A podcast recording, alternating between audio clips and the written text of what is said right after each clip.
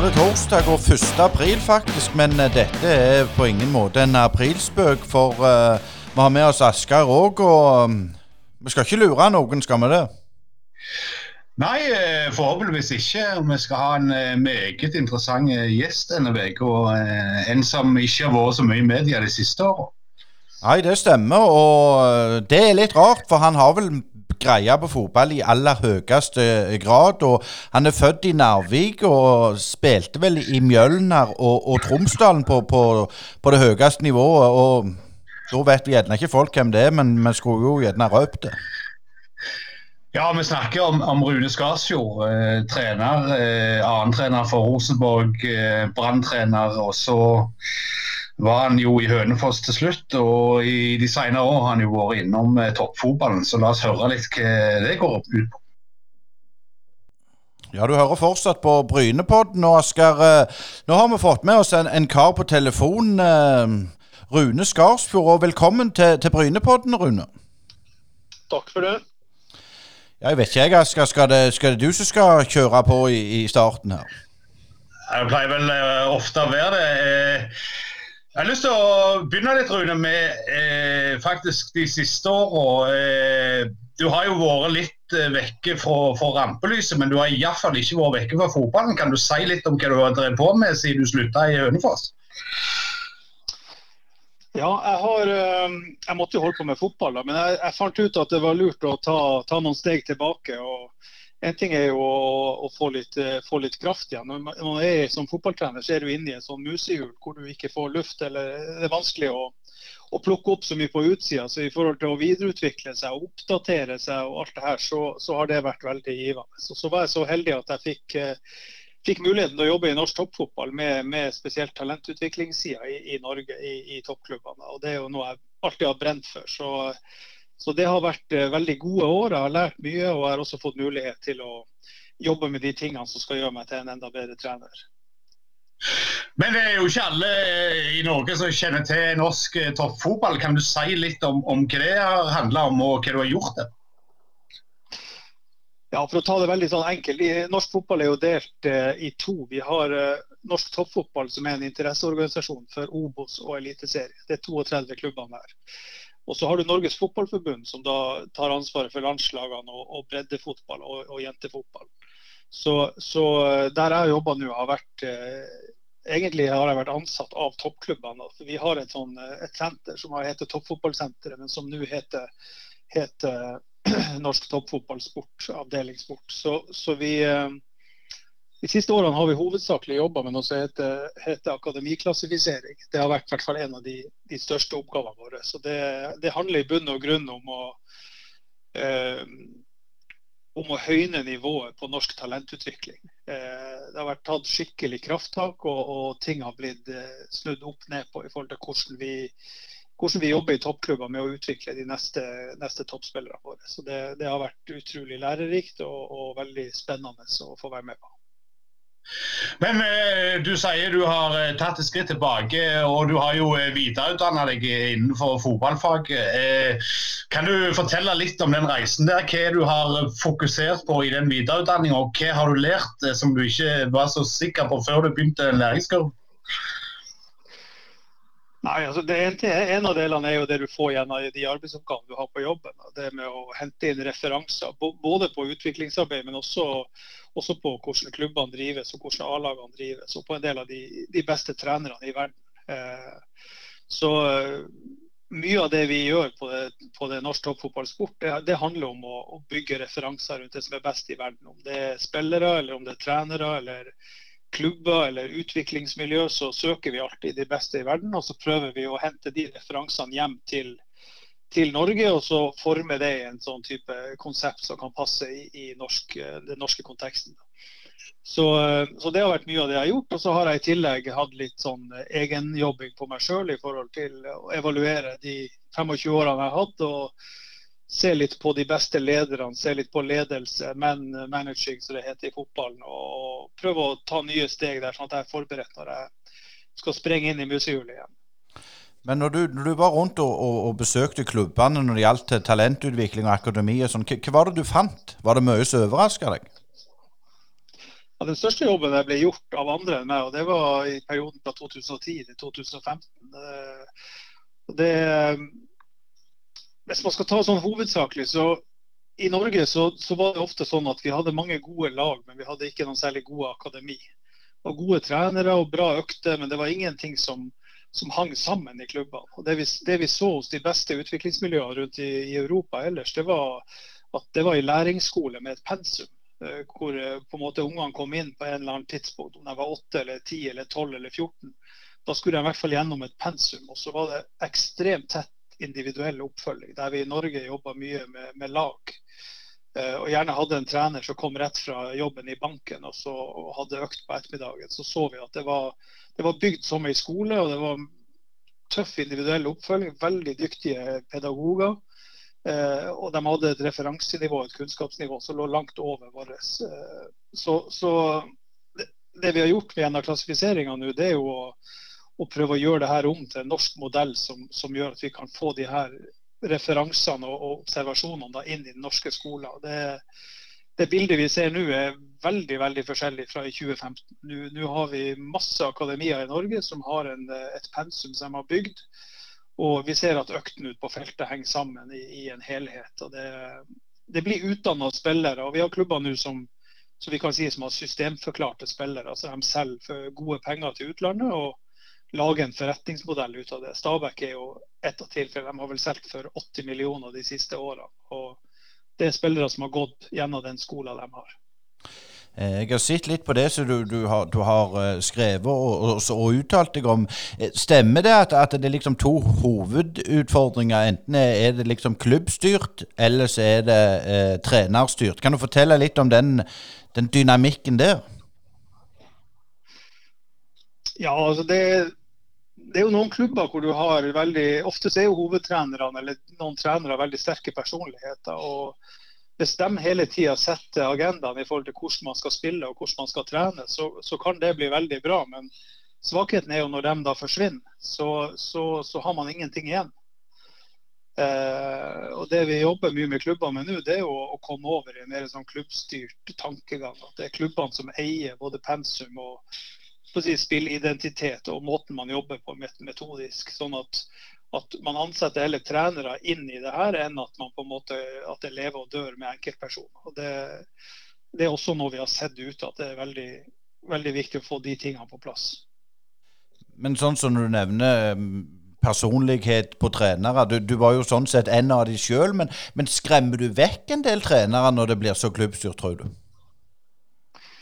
Ja, det er jo viktig å finne en balanse. Du må jo, du må jo ha trenere som, som, får lov å være seg sjøl og få brukt sin egen kompetanse. Jeg tror, jeg tror ingen lærere, nei, trenere liker å, å, å, å, på en måte få utdelt et ark med en treningsøkt og få beskjed om omtrent alt du skal gjøre og si. Eh, så, så det, det, er viktig å finne en balanse her. Men i forhold til å fange opp helheten og sørge for at spillerne får den skoleringa de skal, så, så, tror jeg det er viktig at det er på en måte klubbstyrt og gjennom en fagplan. Men Rune, du nevnte jo han der eh, treneren som, som, jobber i bank på dagtid og kommer sånn halvsliten etter å ha overført eh, penger til, til, andre banker gjennom en lang dag. Og så skal han på med treningsdrakten etter han har fått seg noen fiskepinner, og så skal han ut på feltet osv. Som er jo litt sånn kjernemodellen i Norge. Har det vært vanskelig å selge inn det konseptet dere jobber med til klubbene forbi? Det har ikke vært så vanskelig å selge inn, men det, det som er clouet er at man må nå frem til styrerommene. for at det må jo Klubbene må jo sette strategier rundt det her, og de må på en måte eh, sette inn penger på det her og, og, og gjøre investeringer, spesielt i forhold til ansettelser. Og, og det, det, å gjøre, det, å gjøre, det å være utviklingstrener til en profesjon, det har vært en litt tyngre jobb. Men det, det har gått sakte, men sikkert. og fra å være på å si 50 ansatte rundt i toppklubbene, så tror jeg det er, ja, det er, i hvert fall, det er rundt 200 fulltidsansatte nå eh, i de 32 klubbene. Og så har vi ganske mange eh, eh, deltidsansatte i tillegg. Så i snitt så er det vel en 6,5 eh, fulltidsstilling i hvert akademi, og to, to 50 i tillegg. Så nå har det blitt en respektert profesjon, i hvert fall innenfor fotballfamilien. Men utover fotballfamilien så er det ferskt enda. Men ser du på nasjoner ute, så har de holdt på med det her i flere tiår. Så det er innarbeida som en profesjon, på samme måte som lærer og, om det er barnehage eller sykepleier eller hva det er for noe. Så vi, vi er på vei, men vi, vi, er en veldig ung utviklingsnasjon i, i så måte. Men hold på å si, når du har eh, gått gjennom det som har blitt eh, henta inn av informasjon eh, der vil jo nødvendigvis være land eh, som er litt vanskelige å, å sammenligne oss med pga. befolkningsgrunnlag, pga. tradisjoner eh, osv. Hvem er det som ligger nærmest vil du si, ute i Europa i, i, i, på en måte med tanke på befolkning og ressurser? Nei, vi, vi, har jo selvfølgelig naboene våre i Sverige og Danmark som er naturlig å se til. Også deler av det de gjør på Island. Men uh, utover det så er det, synes jeg det er naturlig å se på land som Belgia og Nederland. Uh, som har lange tradisjoner, og som har også har store resultater i forhold til å utvikle veldig gode spillere. Så, så man har henta mye derifra. og, og Eh, så er jo kunsten selvfølgelig å oversette det her til norsk kontekst. Vi, vi, har helt andre avstander enn de har i Nederland. Det er jo 40 minutter alle, alle hjørner omtrent. Mens i, i Norge så, så, er det litt eh, drøyere. Spesielt i Nord-Norge, der jeg kommer fra. Så, så vi, må, vi, må, gjøre det på en litt annen måte. Men vi har vært veldig flinke til å prøve å finne modeller som, eh, som kan passe hver enkelt klubb. Ingen vi kan, vi kan, ikke lage én modell som skal passe for alle. For det er helt forskjellige kontekster rundt i forhold til hvor lang avstand er til neste toppklubb. Noen er ganske alene, mens andre har veldig sterk konkurranse. Det må man ta hensyn til. Så må man gjerne bygge inn skole-fotballdelen også som en del av, av, hele biten. Og selvfølgelig også kretssystemet og landslagsskoler. Så alt det her er ting som vi ser på i den klassifiseringa. De, de beste klubbene nå, de har uh, de har kontroll på alt. De har ungdomsskole, de har videregående skole, de har tett, uh, tett samarbeid med krets, og de har selvfølgelig kamparena og treningsarena for sine egne spillere. Og så har de sjøl et, et, pensum og et planverk, og så har de ansatt opp i en 10-12-14 mann som jobber kun med utvikling av spillere. Så, så vi, vi, begynner å få ganske mange akademier som holder meget høyt nivå. Men Hvis jeg nå skal ta på meg hatten som, som den ambisiøse eh, klubblederen i en tredjedivisjonsklubb, eh, og jeg ser at eh, den store naboklubben som er i Tippeligaen kommer og tar og henter hele småguttlaget mitt, som var en gjeng med talent som kunne tatt klubben et steg videre, hvor, hvor står du i den debatten? Nei, Jeg tror det er viktig å gjøre det samme der, at man har en veldig balanse og at man evner å sette seg i, i skoen til begge partene. Og så, eh, så, må man huske at først og fremst så må jo spilleren få lov å stå i sentrum. Det, det viktigste er jo at, at, det blir lagt til rette. Jeg tror ikke det er gunstig at noen driver og raserer enkeltlag og sånn, men eh, samtidig så har den toppklubben et ansvar for å, å legge til rette for de guttene som har en drøm de skal prøve å oppnå, eller et potensial de skal ta ut. Så Hvis toppklubben ikke legger til rette for den skolen og den, den, muligheten til å ta alle stegene, så har jo ikke de heller gjort jobben sin. Så, men, men, igjen, det er, det er, veldig forskjellig fra sted til sted. Og, og konkurransevilkårene og reiseavstander og skole, skolebiten. Alt det å, til å gå til en toppklubb. Ikke minst for å finne rett tidspunkt for å gå til en toppklubb. Derfor så har vi jo alle typer modeller. Noen tar dem inn når de er 16, og noen tar dem inn når de er 6.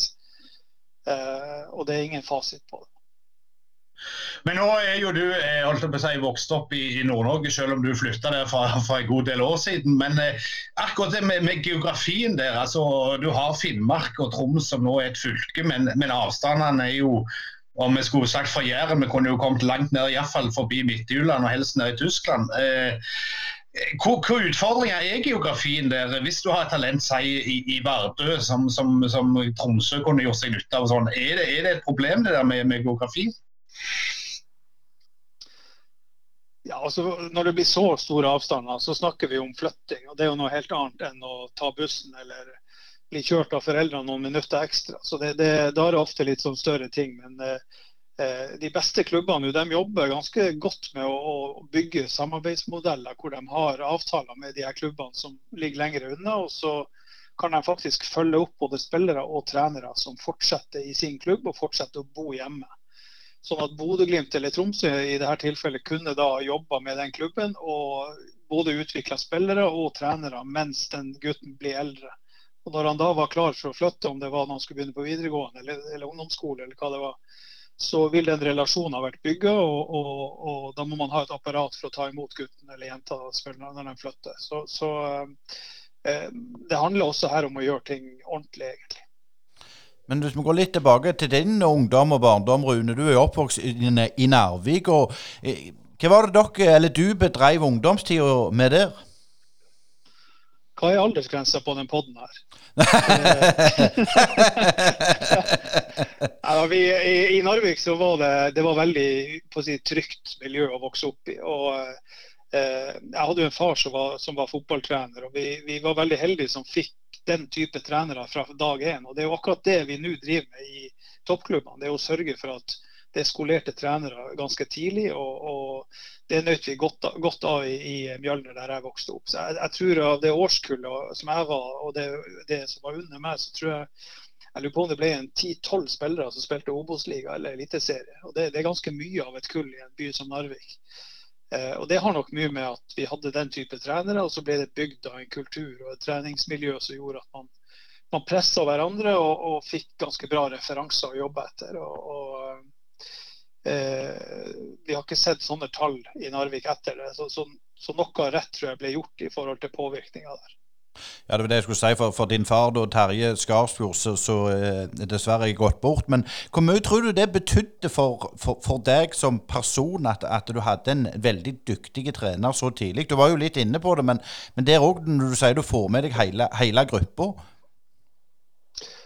Nei, Det har selvfølgelig alt å si. Det, det, vi hadde trenere som egentlig var altfor gode for oss. Det var ikke bare faren min, men vi hadde flere andre. Var, jeg tror i en periode så var vel eh, Narvik den byen som hadde flest A-lisenstrenere, det som da heter D-kurs. Eh, så det var en voldsomt trenerutviklingsmiljø i, i Narvik. Og, og, mange av dem bidro på yngre, yngre lag. og Da, da setter du en, både en treningskultur og en læringskultur som er som alle drar nytte av. og Da, da er det noen som fyker av gårde og er gode når de er tolv, og så, så, var det noen som har kommet litt senere. og Det er helt naturlig. Det er en del av, av kompetansen som utviklingstrenere skal ha, det å vite om, om barn og unges vekst og utvikling. og, og Da vet man at, at, noen skyter fart før andre, og de kommer i etapper. og det, det er viktig å vite.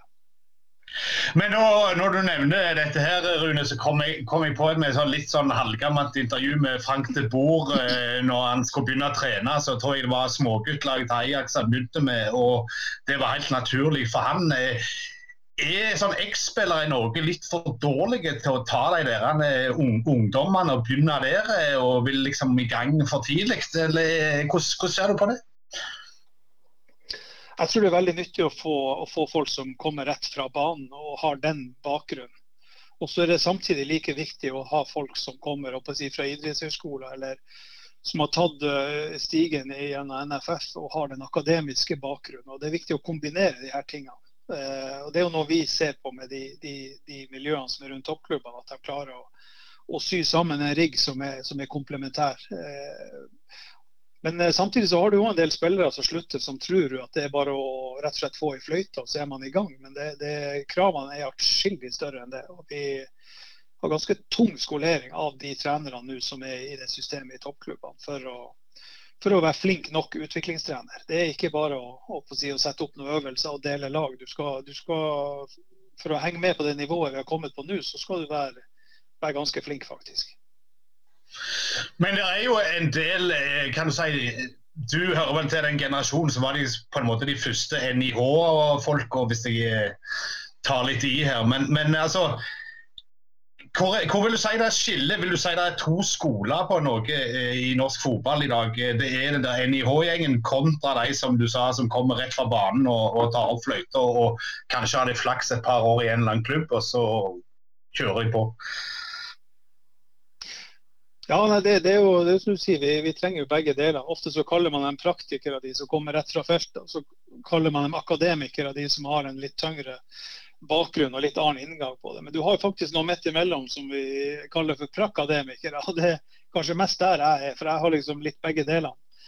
Eh, og, det, og det, jeg tror de aller, aller fleste trenere, når de har holdt på en stund, så, så drar de seg inn mot midten. og er de veldig mye på ene sida, så jobber de seg mot midten, uansett hvor de kommer ifra. Så en, en som kommer rett fra banen, han, han, er nødt til å tilegne seg en god del eh, kunnskap rundt det å være, være utviklingstrener. Og, og, en som kommer rett fra NIH, han trenger kanskje da, litt avhengig av bakgrunnen sin selvfølgelig, men han trenger da kanskje å, å plukke opp ting fra spillere eller folk som har vært på et høyt nivå sjøl som spiller. Så det, det, beste er nok å ha en sum av begge delene sjøl eller i, i trenerteamet eller akademiet.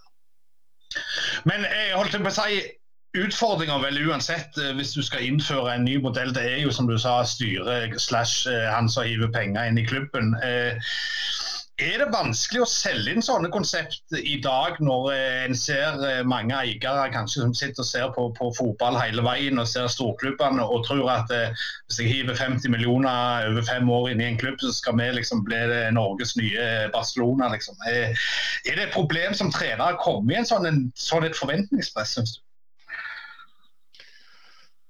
Ja, det, det, kommer litt an på hva de ønsker å gjøre klubben. Altså, man må jo finne ut hvem man er og hvem man ønsker å være. Og hvis man hvis man faller ned på at man ønsker å være en, en utviklingsklubb i en viss, viss, grad Noen ønsker å være 100 utviklingsklubb, og noen, noen ønsker å, å, å, investere ganske mye i det. og Andre velger kanskje å ikke være det. Eh, og Det, er, det viktigste er å finne ut hvem man ønsker å være. Når man, når man har funnet ut det, så må man jo begynne å, å bygge strategier rundt eh, måten man skal gjøre det her på. Da må det, da må det eies fra, fra, ledelsen i klubben. Det må være forankra helt opp. Uh, og Utviklingsarbeidet kan ikke da være et kontor helt ned, ned i hjørnet på stadion. Da må, da må det her være noe som, som, ligger i klubbens strategier, og gjerne er en del av forretningsmodellen til klubben. Uh, men det tar tid å bygge et godt akademi. Det tar tre til fem år. Uh, og det tar tre til fem år kanskje før du begynner å høste skikkelig. så det, da, må det være en godt forankra strategi som man kan stå i over, over litt tid. og Da kan ikke to bortetap snu opp ned på den strategien, og så skal man eh, på en måte begynne å si opp folk i utviklingsavdelinga. For da, da, er det ikke en forankra strategi. Men der, eh, for å si det sånn, Jeg har litt lyst til å komme inn på dette med, med sånne klubber som, som eh, gjør noen voldige jafs, og så forsvinner de som dugg for sola. Altså, I Rogaland har vi jo hatt eh, SIF og Randaberg som fikk eh, store midler rykte opp eh, hvert år, og kommer opp i, i nivå tre iallfall. Eh, Obos på det ene, og så forsvinner de når pengestrømmen tar slutt. Det er jo andre eksempler. altså Hønefoss, som du var i, eh, er vel òg en klubb som kom fra intet og, og, og forsvant. Eh, Nybergsund er kanskje et annet eksempel. Så har du en kontrast i, i Sarpsborg. Men er det et problem det der at eh, en får sånne klubber som bare gyver på, og så er det ingenting igjen når, når, når pengestrømmen forsvinner?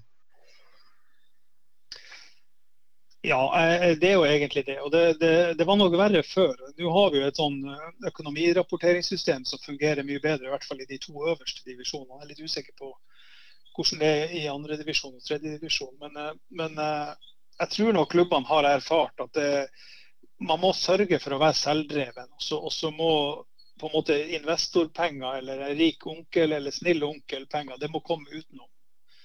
Så, så, det nytter ikke å få fem millioner til, eller to millioner til å kjøpe en spiller hvis man ikke har budsjett og lønner han. Eller hvis det sprenger lønnsrammen i klubben. eller noe sånt. Så, så, så uh, jeg tror det er veldig viktig at klubben klarer å være selvdreven og ikke ha for mye å lene seg på eh, sånne ekstramidler som du ikke vet hvor lenge du får. For plutselig så stopper det, som du sier. og da, eh, da er ikke klubben lenger veldreven, og da har du bomma. Så det, det, jeg vil absolutt anbefale å ha det som ekstra tilskudd, og så må man bruke de pengene på en veldig rett måte hvis man, hvis man får det inn. Det er kanskje enda lurere å bruke den type midler til å bygge en utviklingsavdeling som kan brukes over lang tid og, og, og høste penger på sikt. Jeg må jo litt tilbake til, til, din karriere, Rune. For det er klart, du spilte jo offensivt i, i Mjølner og Tromsdalen og skårte jeg skal ikke si bøttevis med mål, men vi kan jo, vi kan jo si det. Du, du var, var, jo et talent. Men når var det på en måte du fant ut at nei, jeg, jeg, jeg vil bli trener? Jeg, jeg, når liksom ikke topp, topp, topp nivå som spiller? Det er litt, litt vanskelig å si, men jeg, jeg jeg tok nok ikke ut så veldig mye av det talentet jeg hadde. For det, det hadde jeg ikke nok eh, Jeg var ikke villig til å ofre nok for å gjøre det. Så jeg, jeg, begynte ganske tidlig å tenke på det med utdannelse og trenerutdannelse. Og eh, fant vel egentlig ut at jeg skal prøve å spille på høyest mulig nivå mens jeg tar studiene. Så det bringte meg til Tromsø og studier der. og videre til Oslo og studier der. Og så prøvde jeg å spille så høyt som jeg klarte. da. Så jeg, jeg spilte mye, mye, i Obos og, og mye i, i Post Nord-ligaen.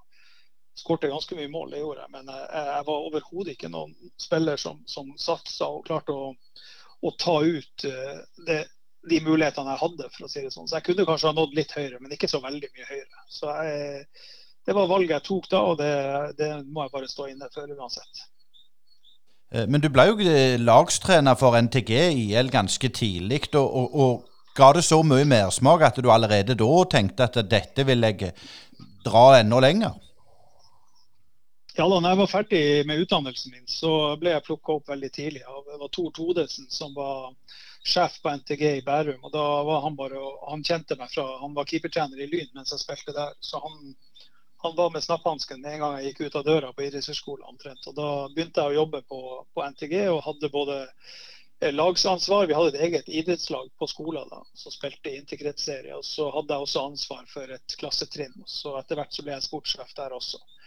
Men eh, de, de årene hvor jeg jobba der, så spilte jeg fortsatt sjøl. Og fortsatte med det helt, eh, ja, i fem år til. Eh, før jeg gikk kun over til å være trener. Det gjorde jeg når jeg flytta til, til, Trondheim, når de henta meg opp dit, til Rosenborg. Ja, det er liksom det å gå fra, fra å være spiller eh, på, på, på snor eh, Obos-nivå til, å komme til Norges beste klubb på den tida, er jo sikkert det ennå på, på, på, mange sett. Hvordan, hvordan, var den overgangen? Nei, det var, det var stort. Jeg var, var, veldig stolt når jeg fikk den telefonen. Jeg var veldig klar for å komme opp dit. De hadde de hadde en bankmann som kom på trening og trente juniorlaget til Rosenborg. og Det var det eneste de hadde. De hadde ikke noe guttelag eller noe annet. og De hadde, ikke, de hadde aldri hatt noen som jobba full tid med utvikling. og, og Det her var ikke satt i systemet i det hele tatt. Så uh, ville de prøve å satse litt på det for første gang, og da, da bestemte de seg også for å hente en utenifra. Det hadde de heller ikke gjort før. Så, så, det var litt spesielt å komme til Trondheim. Da. Det var, for meg som hadde masse tanker rundt det med utviklingsarbeid, og sånt, så var det utrolig fint å komme dit. Men det er litt, eh, litt konservativt og litt vanskelig å få frem ideer. Og, og, samtidig så fikk jeg veldig støtte for en del av de tingene vi gjorde. Vi kobla det mye tettere opp mot skolebiten. og, og fikk det et veldig fint opplegg. Og fikk også opp ganske gode spillere, da, spesielt med, med Tetti og Skjelbred. Og, og noen til som kom opp som spilte både på A-lag og landslag. Så, så, så det, var, det var en gøy tid. Og så fikk jeg jo sjøl mulighet til å klatre i systemet i Rosenborg. Så jeg ble jo på å si gradvis flytta oppover der òg, helt til jeg var assistent på A-laget. Så, så, jeg fikk jo være med hele reisen og masse gjennom Champions League. Og eh, er veldig takknemlig for de årene jeg fikk der, og lærte selvfølgelig fryktelig mye av de som de jeg jobba sammen med, og det nivået som alt ble gjort på. Eh, men, men, likevel, så før vi henter deg inn i, i vårt heimfylke, men, men, eh, jeg har lyst til å spørre litt om, om den prosessen som skjer da i norsk fotball. altså eh, Rosenborg blir ikke lenger en, en eh, fast, et fast inventar i Champions League. Eh, vi, vi, har problemer med å kvalifisere oss til mesterskap med landslaget. Eh, Europaligaen er eh, ikke heller eh, mye norsk lag lenger. Altså, Hva er det som skjer der med norsk fotball, på tross at det kommer mye mer penger inn fra, fra, fra TV-avtalene? Sånn. Altså, så er det en liten dupp ned der. Altså, har du noen forklaring på hva som skjedde i de årene? Ja, Hvis vi tar en liten sånn fot i bakken rundt 2010, da, for det er vel i det området du snakker om, så så er vi jo bortimot akterutseilt på utviklingsarbeid. Eh, da er vi så langt bak de sammenlignbare nasjonene at, vi, at det begynner å gjøre utslag, egentlig. Vi har ganske mye utlend, utenlandske spillere i, i eh, ligaen vår, og vi eh, bruker veldig mye av pengene på dem. Eh, vi har landslag som ikke presterer eh, for at vi utvikler ikke gode nok spillere. Eh, så de spiller heller ikke noe særlig godt i klubbene utenfor Norge. og Alt det her henger på en måte i hop. Og så har det skjedd vanvittig mye siden 2010, spesielt kanskje de siste fem åra. Fotballforbundet har gjort utrolig mye endringer, og, og i, i, positiv forstand. De har bytta ut ganske mye på staben sin, de har bytta ut mye på metodikken sin. De har eh, jobber hardt med, med, landslagsskoler, med kvalitetsklubb. Eh, I det hele og det store er stor stor utvikling på måten en driver landslag og, og hele det scoutingarbeidet opp til landslagene. Eh, parallelt med det har vi i norsk toppfotball gjort det vi har gjort i, i akademiklassifiseringa og, og løfta nivået der. Og hvis vi da hopper fra 2010 til 2021, så ser vi jo i dag at vi har eh, For det første har vi et A-landslag som aldri har hatt flere spillere på høyt nivå ute. Vi har en så, såkalt ligaindeks vi regner ut. og det, Du bør ned på to for å være kvalle til mesterskap. og Nå kan vi sette opp et landslag hvor vi er på 1,2. Og Så lavt har vi aldri vært, eh, hvis det ga noe mening. Men, eh, men eh, ser du på aldersbestemte landslag, så er vi den nasjonen som har hatt eh, størst fremgang i hele Europa de her årene.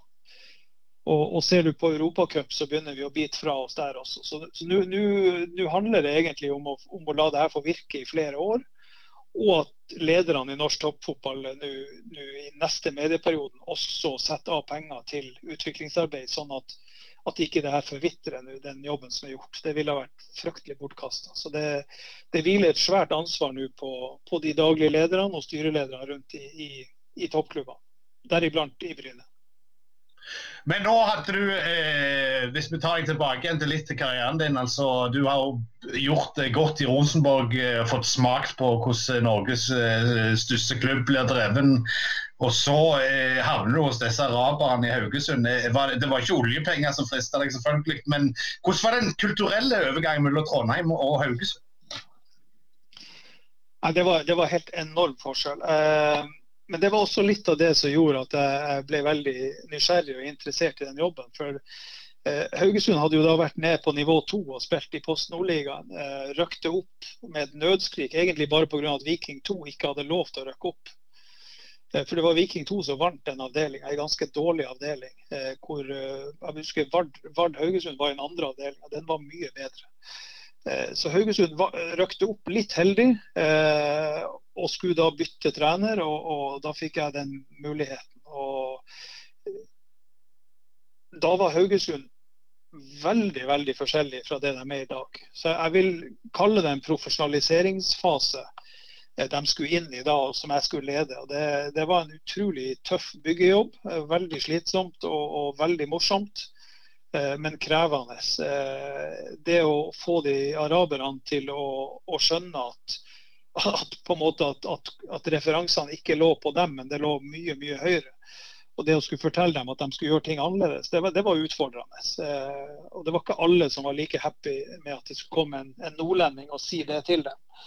Så det ble en del, ble en del fighter og det ble en del tøffe ting som måtte gjøres i forhold til det er også spillervalg og den biten. Men uh, samtidig fryktelig lærerik byggejobb. Og, og, klubben var med hele veien og, og, tok store steg i den tida. Og fortsatte jo etter jeg dro i, i samme retning. Og etter hvert så har det kommet nye stadion, og man har bitt seg fast i Eliteserien. og Det er en kjempeklubb. Jeg har fått, uh, vært så heldig at jeg har fått jobba mye med dem i, i klassifiseringa, så jeg har fått vært der en del. og Utrolig morsomt å komme tilbake nå og se hvordan det er.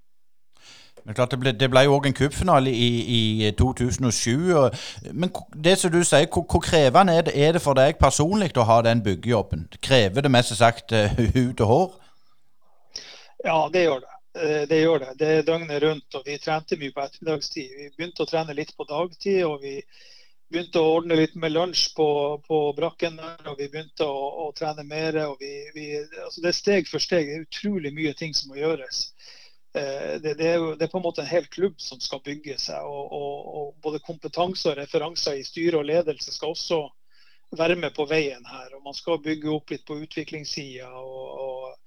Men eh, samtidig en jækla artig plass å ha den byggjobben. For det er jo en by som virkelig vil. Også, og Det er masse gode fotballhoder. og det er masse gode spillere som dukker opp der. og Vi fikk jo opp både Håvard Nordtveit og, og, et par andre som gjorde det veldig bra i den perioden. Så det, det var det var tre utrolig fine år. Eh, men når du ser tilbake, hvordan, hvordan opplevde du Rogalandsfotballen på den tida? Det er altså klart du har Haugesund, og så over Boknafjorden er det Viking, Sandnes Ulf, rasla litt med sablene og, og Bryne. Og, og, og, hvordan så du når du var, når du var i Haugesund? Jeg syns det var litt likt hele veien. Altså, det, var, det, var, mye lag med både tradisjoner og alt, men jeg syns det mangla litt på referanse og, og profesjonalitet. Eh, så kom du til Vikinga, som selvfølgelig er en stor klubb som hadde alt på plass. Og så hadde du Brann i andre enda.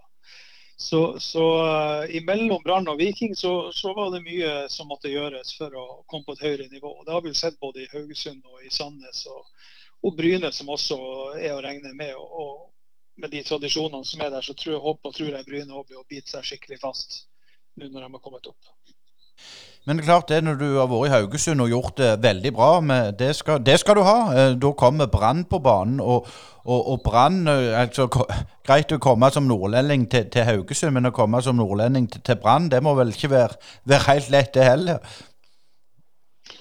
Nei, det, det, var jo ikke det. Det var jo eh, Altså, var, egentlig så var vi i ferd med å flytte sørover fra Haugesund. og så ble Steinar Nilsen ansatt i, i Brann. Og så gikk jeg og han på, på prolisens sammen i 2009, var det vel. Så eh, da endte jeg opp med å få en telefon fra han, og da skjedde ting veldig fort. Eh, og da ble jeg med han til Brann, og så skulle vi på en måte bygge opp noe nytt der òg, med ganske mye ressurser. og, og en, en, stall som var egentlig helt utdatert, men som skulle fornyes. Så det var en det var en veldig forlokkende og spennende jobb, men det, det ble ikke helt det bildet vi var forespeila når vi kom dit.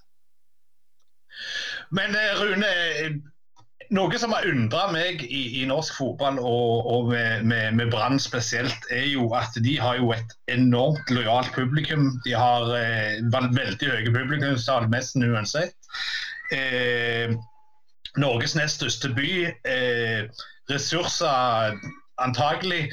Men, men hva, er det, hva, er det, med det enigmaet Brann? Hva er det som gjør at Brann aldri klarer å etablere seg som en sånn jevn, solid topp fire-klubb? Det er enten himmelen eller sånn som jeg husker fra 80-tallet, opp og ned. Og, og, Det er ikke noe sånn stabilt. Er det noe Hva, hva er det med den klubben? Nei, det, det, er nok større enn klubben.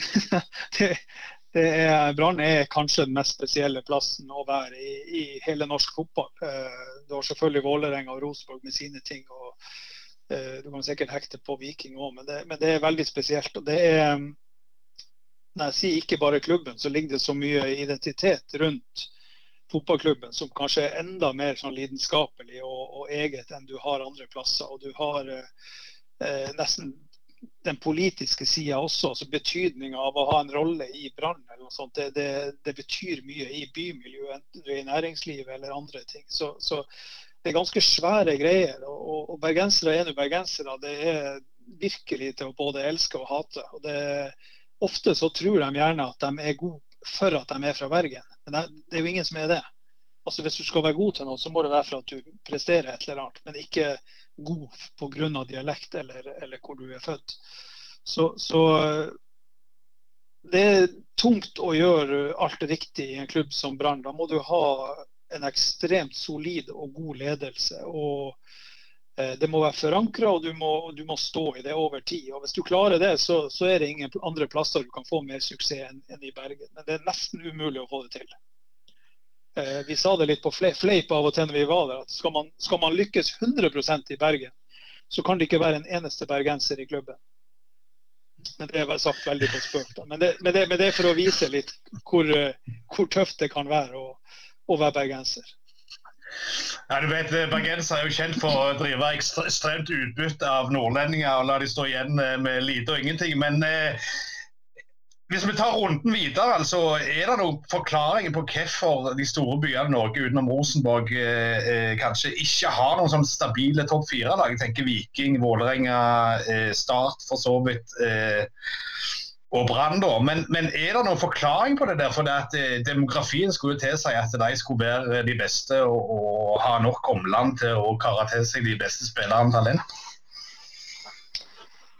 Jeg tror det har eh, mest med, med jeg, jeg, tror at hvis man er veldig dyktig i klubbdriften sin, og man har uh, dyktige folk som jobber med, med, med, tydelig retning, og man har en økonomi som er ryddig, så, så, tror jeg det blir sånn som du sier. Da kommer de her miljøene til å ligge oppe der, og de kommer til å ligge der jevnt.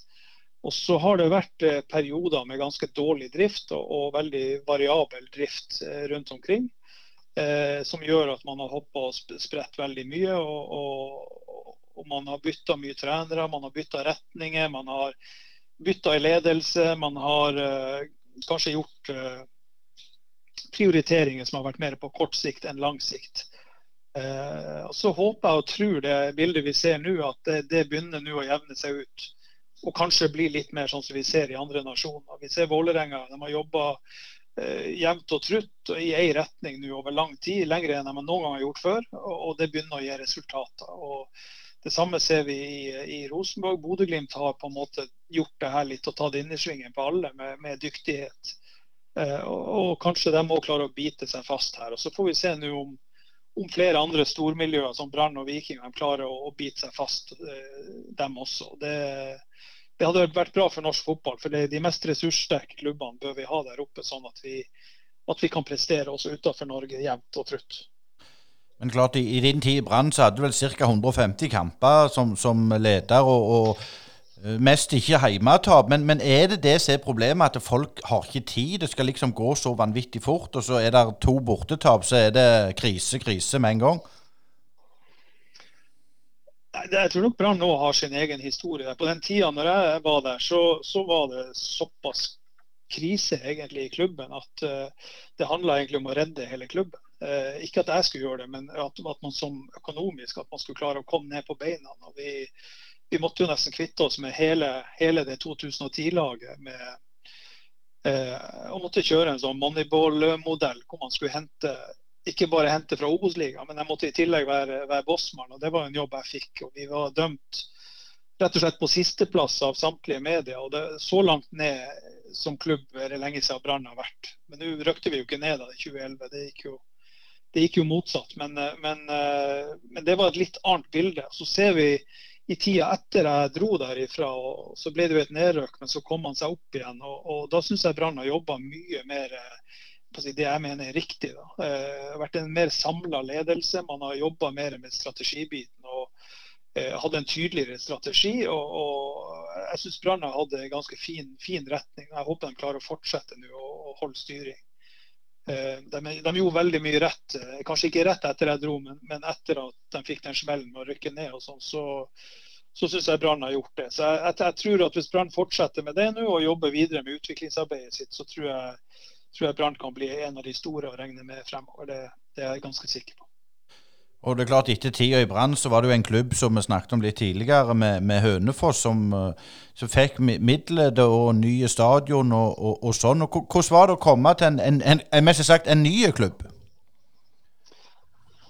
Ja, jeg skulle, jeg skulle, jo ta meg litt tid og, og hvile og puste litt etter den branntida. Men så, så, ble jeg jo ringt opp da på sommeren om å komme, prøve å, å, hjelpe til å berge plassen. For da hadde de tatt åtte poeng på de tolv første kampene. og det var, det var blålys overalt. Eh, så var jeg jo på å si, dum nok til å si ja til det. Men det ble, det ble en ganske morsom høst. Vi tok eh, ja, jeg tror på om vi tok 32 poeng på de 18 kampene jeg fikk være med der. Og da berga vi plassen, og det var, det var jo en fin, fin, opptur å få eh, det året der. Og så, så, skulle det satses, og det skulle ble satt opp budsjetter og alt. og Vi gikk på med en ny sesong. Jeg skrev under en ny avtale og tenkte jeg skulle være der noen år. Og Det gikk bare en uke egentlig før man fikk beskjed at her er det, her er det rett og slett blodrøde tall overalt. Og så måtte vi rett og slett begynne å selge unna stallen før sesongen starta. Så det handla egentlig bare om å bygge ned mest mulig, få ned utgifter og, og, og selge alle spillerne som var mulig å selge. Eh, og Det endte jo med at Hønefoss røkka ned, og vi har vel ikke sett dem oppe, oppe siden det. og jeg, jeg, ga meg med en gang eh, det her skjedde, så var det bare å be om å få avvikla kontrakten. og det, det, gjorde vi da etter det første året. Det, så det var, det var, synd, men eh, det viser hvor sårbart det kan være når man lener seg litt på, på, på, midler som viser at man ikke er sjøldrevet. Men klart når du ser på klubb, klubbene du har hatt, det er jo liksom, du, du har jo ikke tatt steget. Du begynner jo på topp, og så, og så går til, til Brann og, og, og, på en måte går nedover. Hvor, hvis du ser tilbake, du, hvor lærte du mest, og hvem lærte du mest av? Du har jo hatt eh, eh, samarbeid med, med, utrolig mange interessante folk på, på denne reisen. Jeg vil si at Man lærer jo egentlig overalt hvor man er, for det er ofte forskjellige typer prosjekter. Så Noen klubber skal du prestere, noen skal du bygge, noen skal du eh, Jeg syns det var veldig synd at jeg ikke fikk være litt lenger i Brann. At, at, jeg fikk være der til vi begynte å bli en jevn toppklubb. Men jeg, eh, jeg måtte jo gi meg før det, og det, det syns jeg var dumt. Så jeg fikk være med bare på den byggejobben, egentlig. og vi, vi, kom aldri i gang og fikk gjort strategibiten godt nok i klubben. Og fikk en ledelse som var samkjørt. og så Utrolig mye potensial som ikke ble tatt ut i Brann før jeg måtte dra. og det, det, Akkurat det syns jeg var dumt. Men ellers er det veldig forskjellige typer jobber. Eh, jeg hadde jo egentlig tenkt å jeg hadde egentlig ikke tenkt å, å, å gå til Hønefoss etter jeg var ferdig i Brann. Da hadde jeg egentlig tenkt å kanskje gå på noe, noe tilsvarende i, i Eliteserie eller Obos. Men uh, det er en sum av det her. Det handler litt om familiemessige ting. Det handler litt om uh, uh, timing på, på, de tingene og andre muligheter man får. Og Så endte jeg opp i, i norsk toppfotball og, og, har egentlig vært der nå i fire år. Og Det tror jeg har vært en veldig god investering for meg. Når du kommer rundt i klubbene og, og har den norsk toppfotballhatten, så, så, vet jo alle hvem du er, holdt jeg på å si. Men, men er det vanskelig å selge inn eh, noen av de konseptene rundt i klubbene? Er det noen klubber som setter seg skikkelig på bakføttene, eller har stort sett vært gehør for det dere driver på med? Eh, det er jo frivillig om man vil være med på den klassifiseringa eller ikke. Men, men eh, jeg syns det har vært veldig gode diskusjoner og innganger. for at det, Klubbene er jo som sagt forskjellige. og, og vi, Mye av min jobb er jo å ha respekt for at klubbene skal være seg sjøl. Vi skal jo ikke drive og forme dem i noe mal eller noe sånt. og, og Kanskje min største fordel er at jeg har sittet på alle sidene av bordet. Jeg har jo vært både hovedtrener og jeg har vært utviklingsansvarlig. og jeg har vært eh, midt mellom A-laget og utviklingsavdelinga. Jeg har liksom vært på alle de rollene, så jeg vet, jeg vet, hvordan det er å sitte der og hvilke prioriteringer som blir gjort. Og, og, og, Da er det kanskje også litt lettere for klubbene å, å, ta de tingene med meg, for at de vet at jeg klarer å se begge sidene av det. Så um, det har vært veldig, veldig lærerikt, og, ikke minst har jeg møtt klubber som har vært utrolig takknemlige og lærevillige, og har, har vært i fryktelig mange gode prosesser med de miljøene. Og, og forhåpentligvis så har man klart å bidra litt også. Men nå er vi jo inne i en veldig spesiell tid, og da tenker jeg ikke bare på, på det du holder på med, men altså hele verden er i koronatilfelle. Og vi venter jo på, på, at det skal bli oppstart på, på topp to-divisjonene. Men for de lenger nede, altså hvis du er en talentfull 17-18-åring som ikke får spille tredjedivisjonskamper og kanskje kunne tatt et par steg og sånn, altså, hva tror du koronaen har gjort med talentutviklinga i Norge? Det, det, er nesten et tema vi ikke tør å snakke om. og det, det, det, som gjør det verst, er jo at eh, vi kan liksom ikke si at det er likt for alle. For det er det ikke. Det er ingen nasjoner i hele verden som har hatt de inngripende tiltakene på, på ungdommen som vi har hatt i Norge. Og, og vi, vi, har jo generasjoner nå som har mista et helt år med utrolig viktig matching og trening i, i her den alderen som er så viktig. og så tenker jeg at Kanskje kan man hoppe bukk over et år og hente det inn igjen. Men uh, får vi to år, så kommer det her til å få både økonomiske konsekvenser og prestasjonsmessige konsekvenser både for klubbene og, og, og norsk, norsk, fotball totalt. Så jeg, jeg, håper virkelig at vi kan få åpne akkurat den biten, og så kan kanskje resten av samfunnet ta et, en støyt på både på si, uteliv og alkoholservering og hva det måtte være for noe. Med at vi lar, lar ungene og ungdommen få, få drive med, med, fotball og idrett. Det, det, tror jeg kan være en nyttig investering også i, i forhold til, til helsebiten. Ja, det, Vi hadde jo Per Inge Torkelsen i, i Rogaland som sa at de er ungdommen brennevin for fotball, tar de. Men, men eh, jeg vil litt tilbake til verdens beste-konseptet, for det, det, er noe veldig interessant. Altså, eh, hva finner dere i, i de dataene? Altså, jeg vil tro det er Spania, Portugal, Tyskland har jo gjort mye rett de siste årene. England begynner jo å, å, hente seg inn igjen. Altså, hva er det de nasjonene har gjort eh, som vi glemte litt her i, i, Norge? Tenker du på utviklingsarbeidet da, eller? Ja, ja utviklingsarbeidet selvsagt. Ja, de, de er, det Jeg var litt inne på i sted, men det er klart, de klubbene er veldig tydelige på hvem de skal være. Eh, hva er identiteten til klubben, og hvor sterkt skal utviklingsarbeidet stå. Eh, og, så, bygger de da strategier for å nå de målene de setter seg, og så følger de dem slavisk. Og Det kan gå på, på eh, spesielt på hvordan de bygger den læringsskolen sin, hvordan, hvordan pensumet skal være for en spiller, hva han skal lære på veien sin. Ofte så har klubben en, en fast spillmodell eller eh, spilleidentitet som følger hele veien oppover. Og, og, og, du går i skole som gjør at når du kommer til A-laget, så, så, kan du det du skal kunne. Og da er sjansen større for at du, at du går hele veien. Vi har klubber som Ajax og Barcelona som kanskje har vært, vært ekstreme i så måte, eh, for å ta to klubber. Eh, I Norge så har vi sett Bodø-Glimt har gjort, fulgt samme modellen med, med samme skole og samme spilleidentitet. Eh, veldig tung forankring på, på nordnorsk identitet. og og også spillemåten er veldig tydelig. Så, så de, de, har også begynt å få systemforklarte spillere opp på A-laget. og etter hvert begynt å selge dem også, sånn at det blir butikk i Bodø. Så vi, vi, vi har akademier som nå er sammenlignbare. Det hadde vi ikke i 2015. Men eh, Rune, siden du har innblikk i holdt jeg på å si, eh, falkeblikk over hele Europa, i hvert fall. Eh, det siste så har det vært den sterke trenden med at tyske trenere på en måte invaderer Premier League og, og, blir mer og mer ettertrakta. Og så har du Hasenhüttel som østerriker, men gikk på, på Uefa Pro i Tyskland. Altså, hva er det med den tyske trenermodellen som gjør at de plutselig har eh, på en måte løfta seg opp eh, kontra italienere, portugisere osv.? Er, det, er det noe vi kan lære fra Tyskland på den sida? Er det noen muligheter for utveksling og opplæring i, i f.eks. andre miljø? Er vi gode nok til det?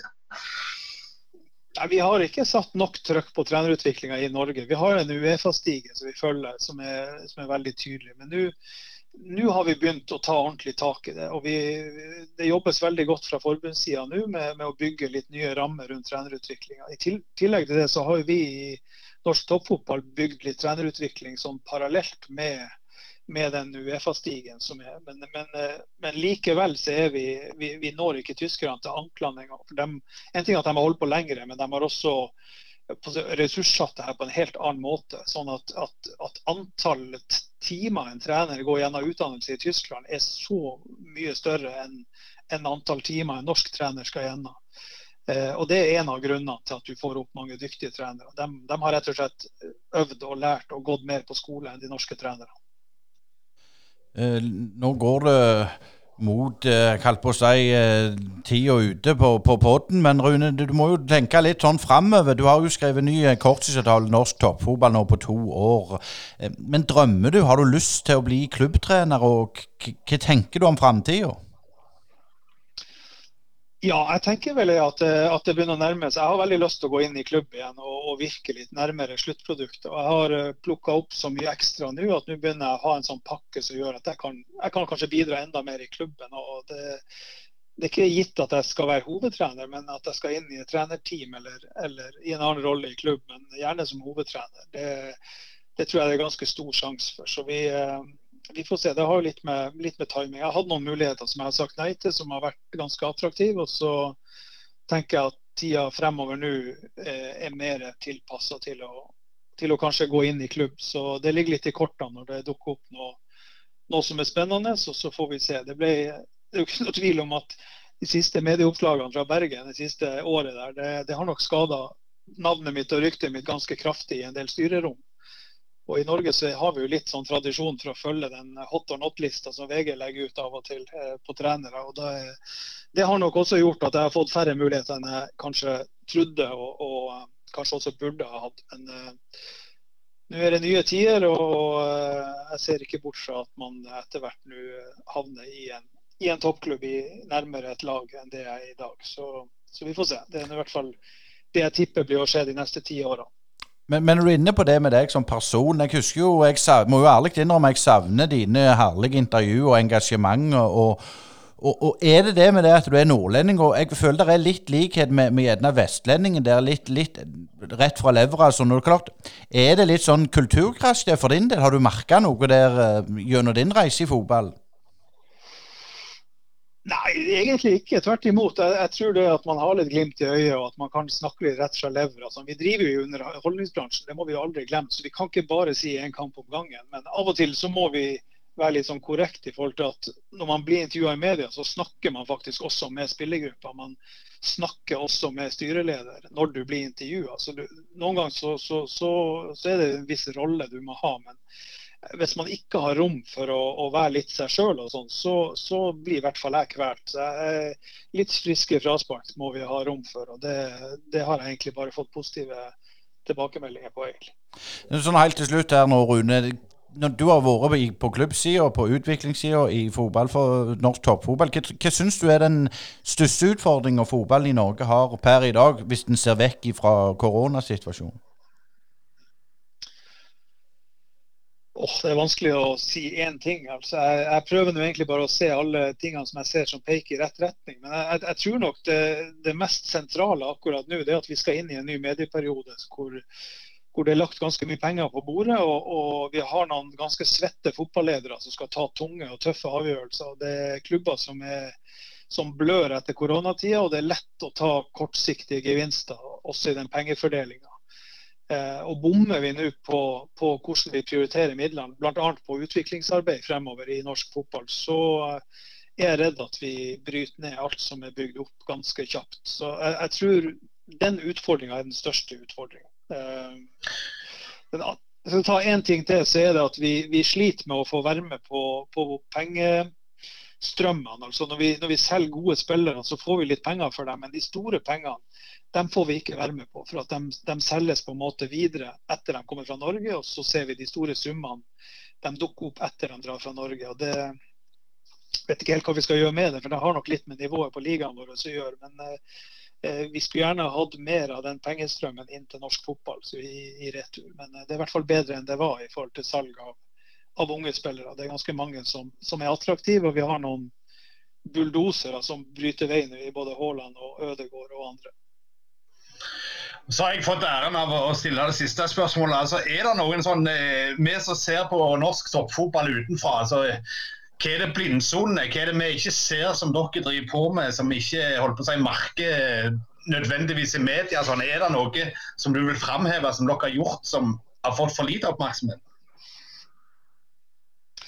Jeg tror ikke helt uh, opinionen har fått med seg hvor godt det jobbes i utviklingsmiljøene rundt i de, de klubbene vi har nå. Vi har, uh, vi har ti klubber nå som har ambisjoner om fire og fem stjerner. Det sier kanskje ikke så mye, men det, det er en sum av ting du må ha på plass for å, for å, være i de kategoriene der. Det er de to høyeste kategoriene, fire og fem stjerner. Og da, da, begynner det å bli såpass høyt nivå og såpass mange som jobber godt med, med utvikling at, at, vi kan sammenligne oss med sammenlignbare akademier utenfor Norge. Og, det, og den, den endringa der er jeg ikke sikker på om, om, folk har eh, fått helt med seg. Men det, jeg syns klubbene har vært ekstremt flinke, også på ledersida, og, og, og, tatt tak i det her. Og jeg, jeg, tror Det er ingen tvil om at vi har tatt et jafs inn på konkurrentene våre utenfor Norge.